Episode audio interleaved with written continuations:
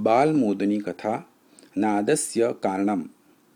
लेखिका श्यामलाकुलकर्णी बालकः कृष्णः नवनीतप्रियः। गृहिण्यः यदा गृहे न भवन्ति तदा मित्रैः सह गत्वा प्रतिवेशिगृहात् नवनीतं चोरयति सः। गोप्यः नवनीतघटं शिक्यायां स्थापयन्ति। कृष्णः तु अधोमुखतया जानुहस्तयोः सहायेन उपविष्टवतः मित्रस्य पृष्ठम् आरुह्य नवनीतं चोरयित्वा मित्रेभ्यः अपि दत्त्वा स्वयं खादति। गोप्याः प्रत्यागमनात् पूर्वं सर्वे पलायन्ते। कदाचित् काचित् गोपिका अचिन्तयत्। अहं सिक्क्यायां घण्टिकां बध्नामि यदा कृष्णः सिक्क्यां स्पृशेत् तदा घण्टनादः श्रूयेत्। तदा अहं कृष्णं ग्रहीतुं शक्नुयाम् इति।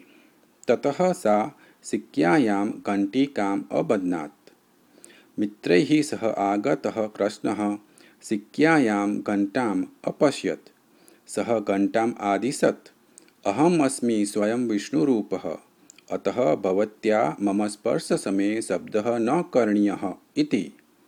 तदा घण्टा अवदत्, शब्दकरणं मम स्वभावः, तं कथम् अहं त्यजेयम् इति। तत् श्रुत्वा कृष्णः अवदत्, अहं भगवान्, भवती मम भक्ता, मम आज्ञायाः पालनं भवत्याः कर्तव्यम् इति। घण्टया एतत् अङ्गीकृतं कृष्णः यदा नवनीतं मुखे अस्थापयत् तदा घण्टा उच्चैः शब्दम् अकरोत्।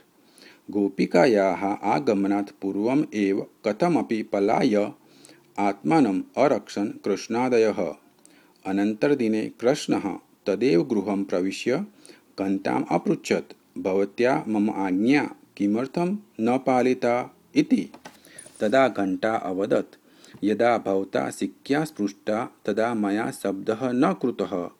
नैवेद्यसमये नादोत्पादनं मम धर्मः। अतः भवता यदा मुखे नवनीतं स्थापितं तदा मया नादः जनितः इति। कृष्णः हसन् ततः निर्गतवान्